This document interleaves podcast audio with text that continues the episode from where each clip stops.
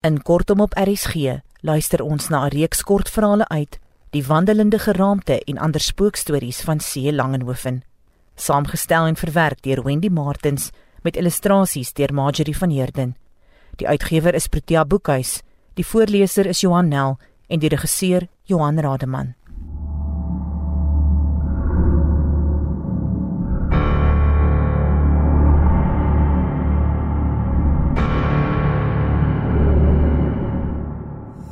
Die wit hand. Ek het ou Hans tuise net een keer in my lewe ontmoet. Dit was op 'n plaas naby Prins Albert. Ek het naby 'n rivier uitgespan. Toe ek weer sien, kom die rivier soos 'n muur water af. Daar sit ek. Pleks dat ek my litte geroer het. Dan het ek nie nodig gehad om 3 dae lank te wag totdat die water sak nie. Gelukkig het Hans my met kar en perde en al laat haal en na sy huis geneem. Dit het die wag darm 'n bietjie makliker gemaak. Ek het die eerste dag al die pikswart vlekke oor sy regterhand se vingers en kneukels opgemerk. Hans het niks gesê nie.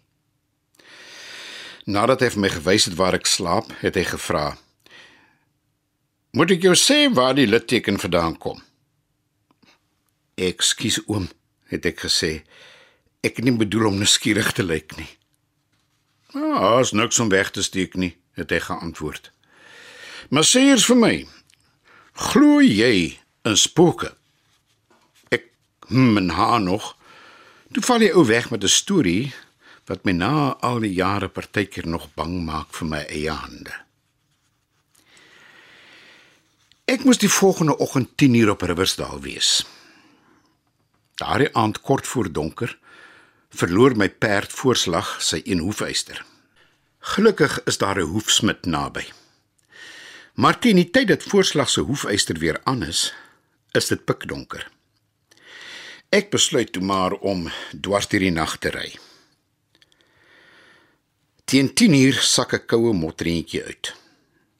Kort voor lank het ek heeltemal verdwaal. Al wat ek kan doen is om teen 'n bult uit te ry en 'n liggie te soek. En so waar. Daar ver brand 'n vuurtjie. Toe ek daar kom, is dit 'n veewagter se strooihuis. "Want meneer," sê hy. Ek is so bly om die man te sien, ek omhels hom amper. "Kan ek asseblief 'n koppie koffie kry en my perd laat rus?" vra ek. "Dan kan jy sommer vir my die pad Riversdal toe verduidelik." Ons buk by die strooihuis se laadeur in. Ek gaan sit voor 'n heerlike vuur. Die veewagter se naam is Freek Namakwa.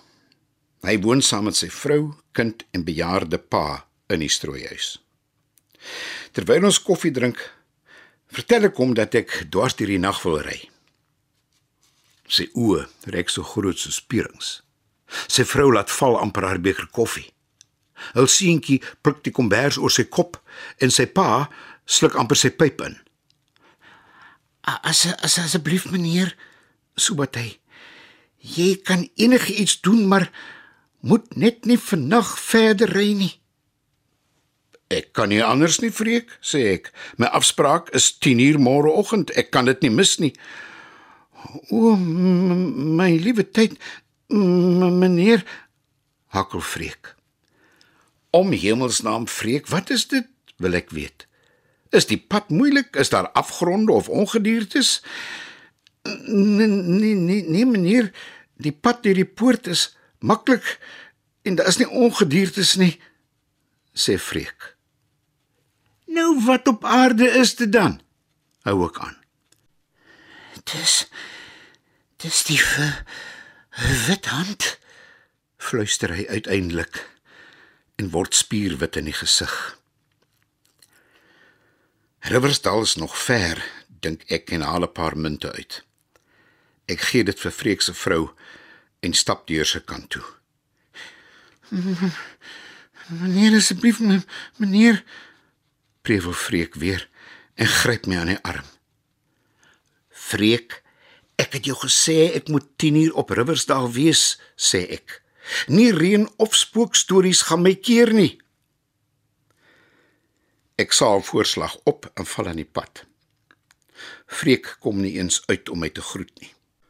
Hy het vir my part die bewerasie. Ek en voorslag vorder fliks. Al is die poort so donker dat ek amper nie my hand voor my oë kan sien nie, hou hy koers. Net voor ons aan die ander kant van die poort uitkom, staan twee taaibosse weerskante van die pad. Toe ons by die taaibosse kom, gee voorslag net een snork en steek vas. Ek trek aan die teels, maar hy beur agteruit.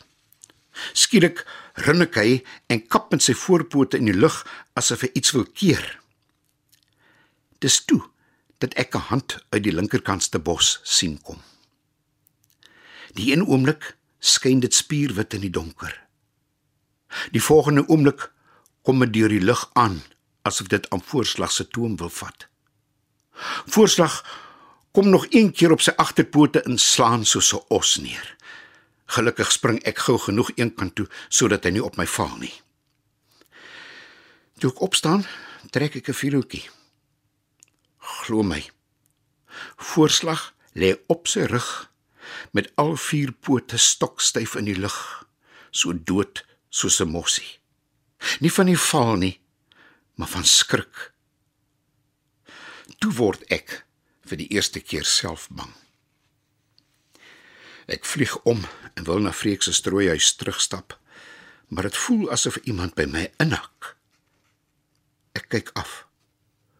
Om my linkerarm is 'n spierwit regterhand ingehak.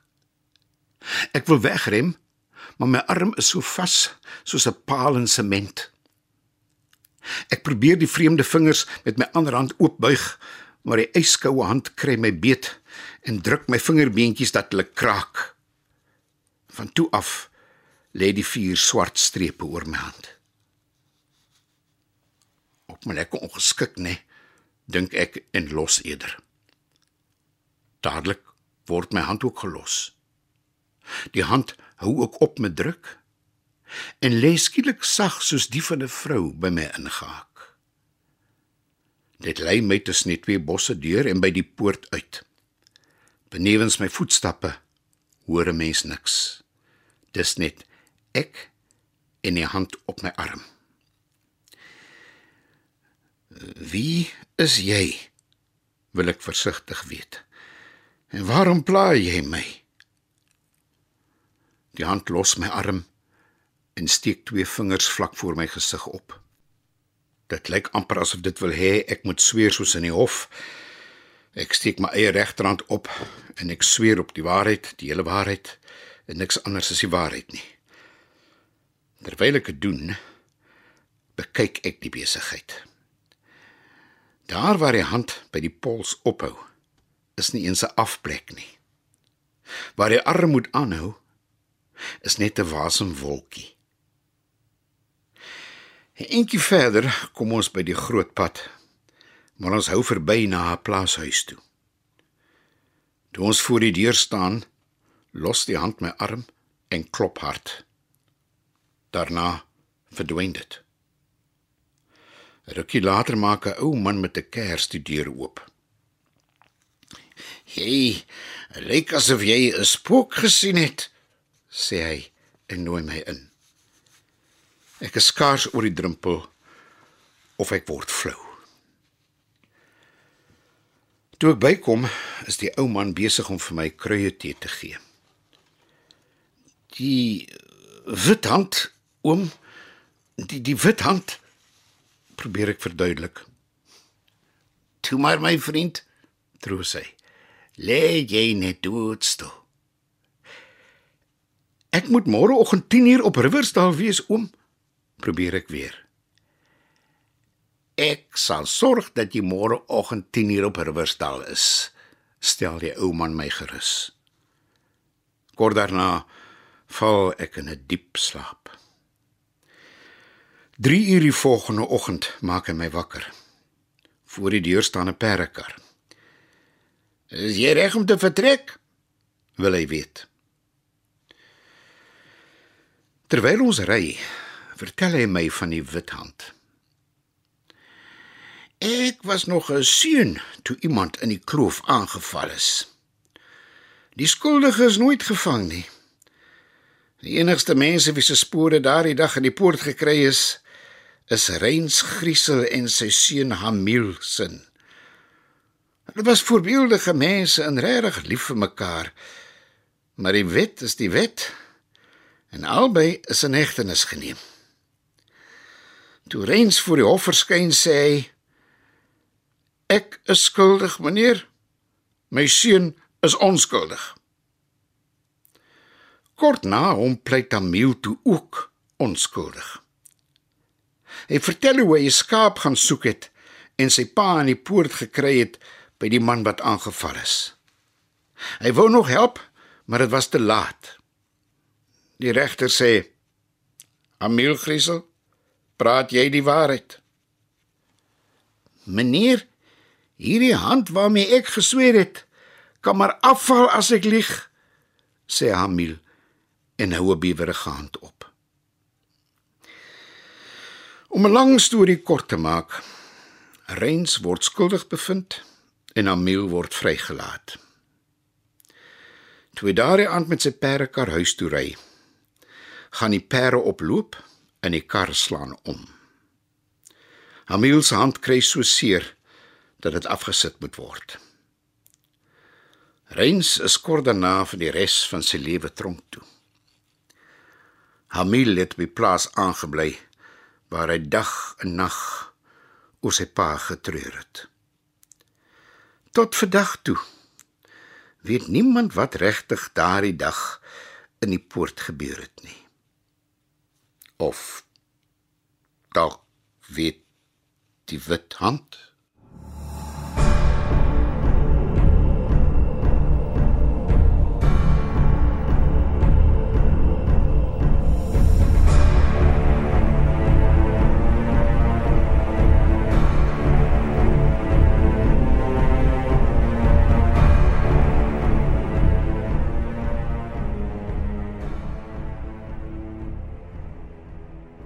die vrou voor die hek.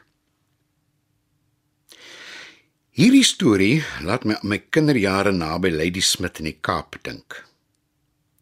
Voor die huisrivier pas gebou is, het 'n mens nie oor 'n berg van Lady Smith na Calitzdorp gery nie. Jy moes deur 'n poort ry, die Caledons Kloof. Die pad het al langs die rivier gekronkel. In my gedagtes sien ek die draaie en druwe en kranse.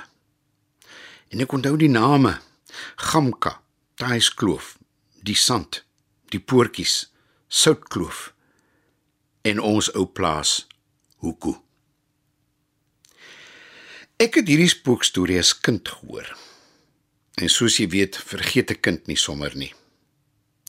Die ou man wat die storie vertel het, was oom Sybrand van Wyk. Hy het nie ver van ons af gebly nie. In middag terwyl ek beeste opgepas het, het oom Sybrand by my onder die appelboom kom gesels. Oom Sybrand was 'n fris kerel met 'n rooi baard en 'n willebos rooi hare. Hy het vir niemand en niks geskrik nie. Net vir donder weer en die donker was hy so bang soos die duiwel vir 'n slypsteen. Boonop wou hy nooit alleen in die nag wees nie. Juist daarom het die bure hom graag genooi om saans te kom kuier. Dan het die kinders hom met lakens bang gemaak. So het hy die bynaam ou Bang Sybrand gekry. Sulke bang mense sien mos gedurig spooke.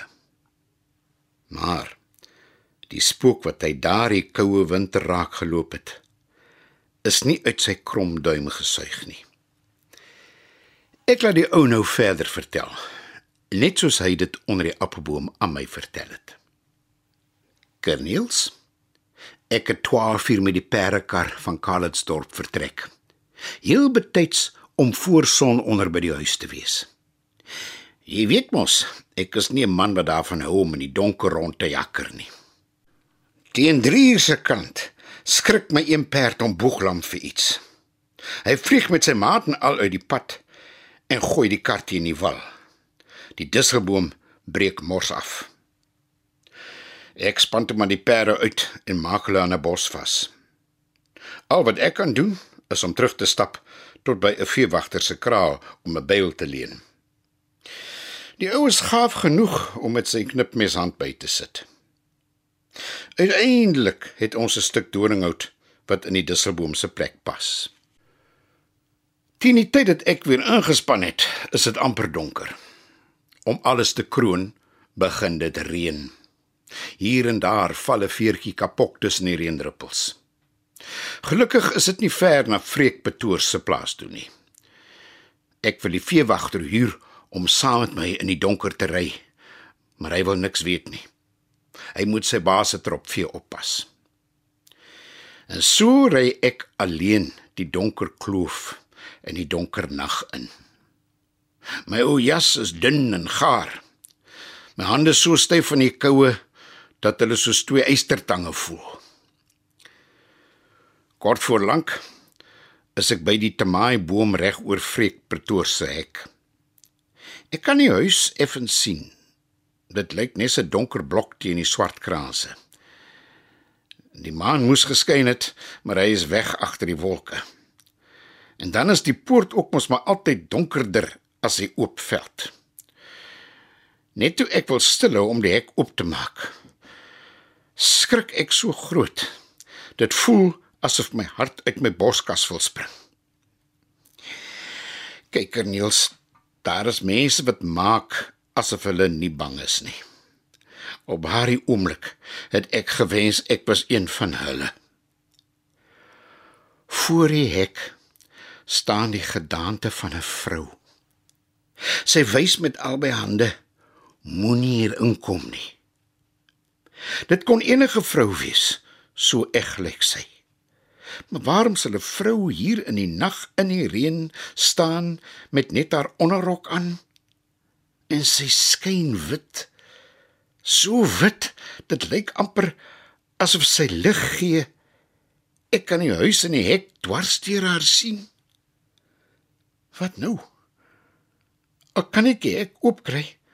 Sal ek oor of deur haar moet ry om by die huis te kom? Ek ek wil skree, maar dit gaan nie help nie. Daarvoor is die huis te donker. As daar 'n liggie was, het ek seker probeer as ek 'n geluid kon uitkry. Nou wat dan? Hier kan ek nie bly staan nie. Net nou kry die gedagte dit in haar kop om by my op die perdekar te klim. Dan moet ek maar deur die nag aanry huis toe. Erger is nou kan dit seker nie gaan nie. Toe spoor ek die perde aan en ons laat wy.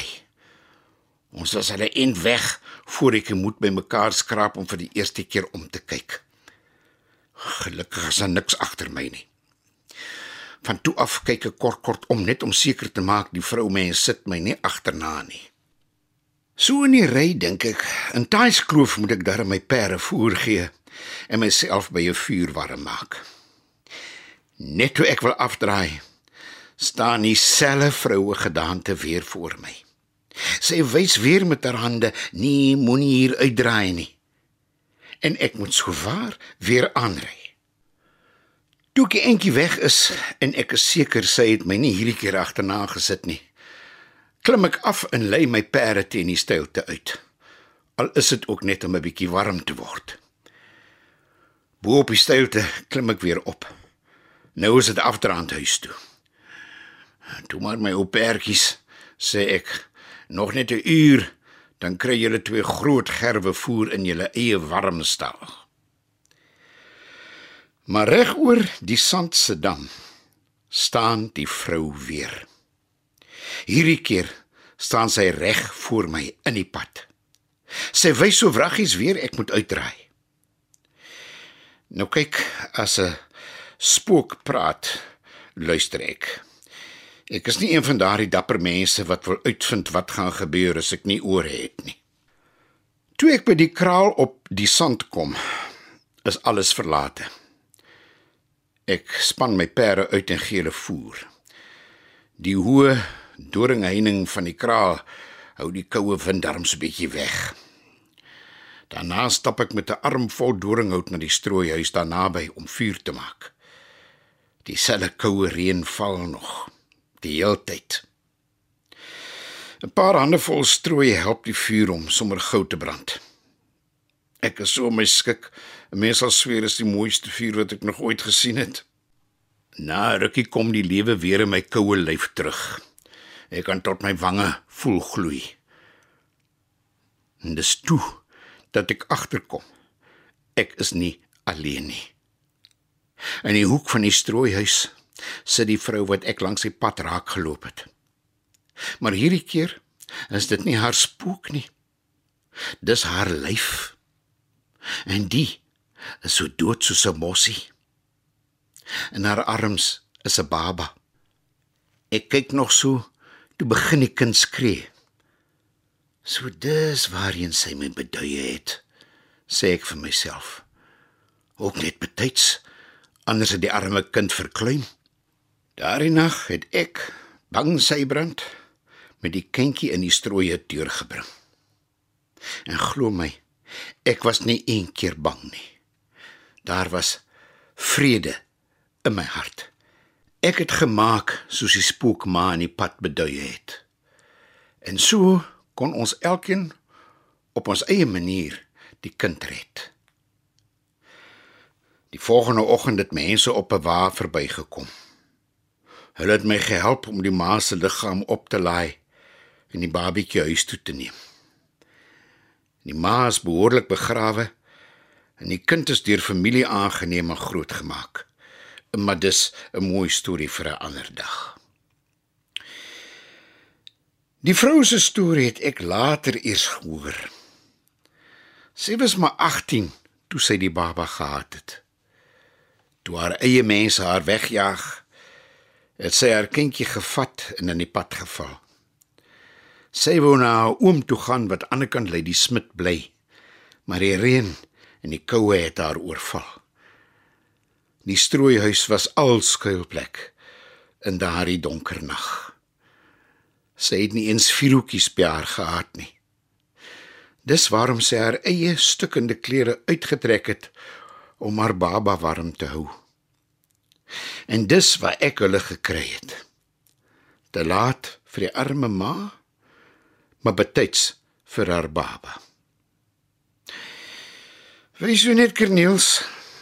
Al gee party spooke 'n mens dalk koue rillings, het hulle 'n warm omgee hart.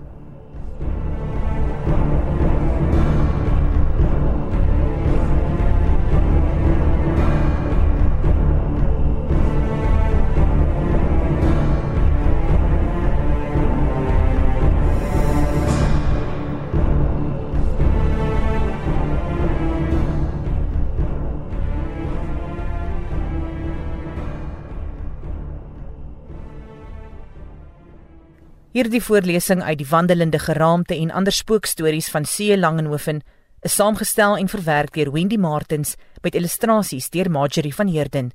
Die uitgewer is Protea Boekhuis. Die voorleser is Johan Nel en die regisseur Johan Rademan. Die opname is beskikbaar as potgooi op www.rsg.co.za.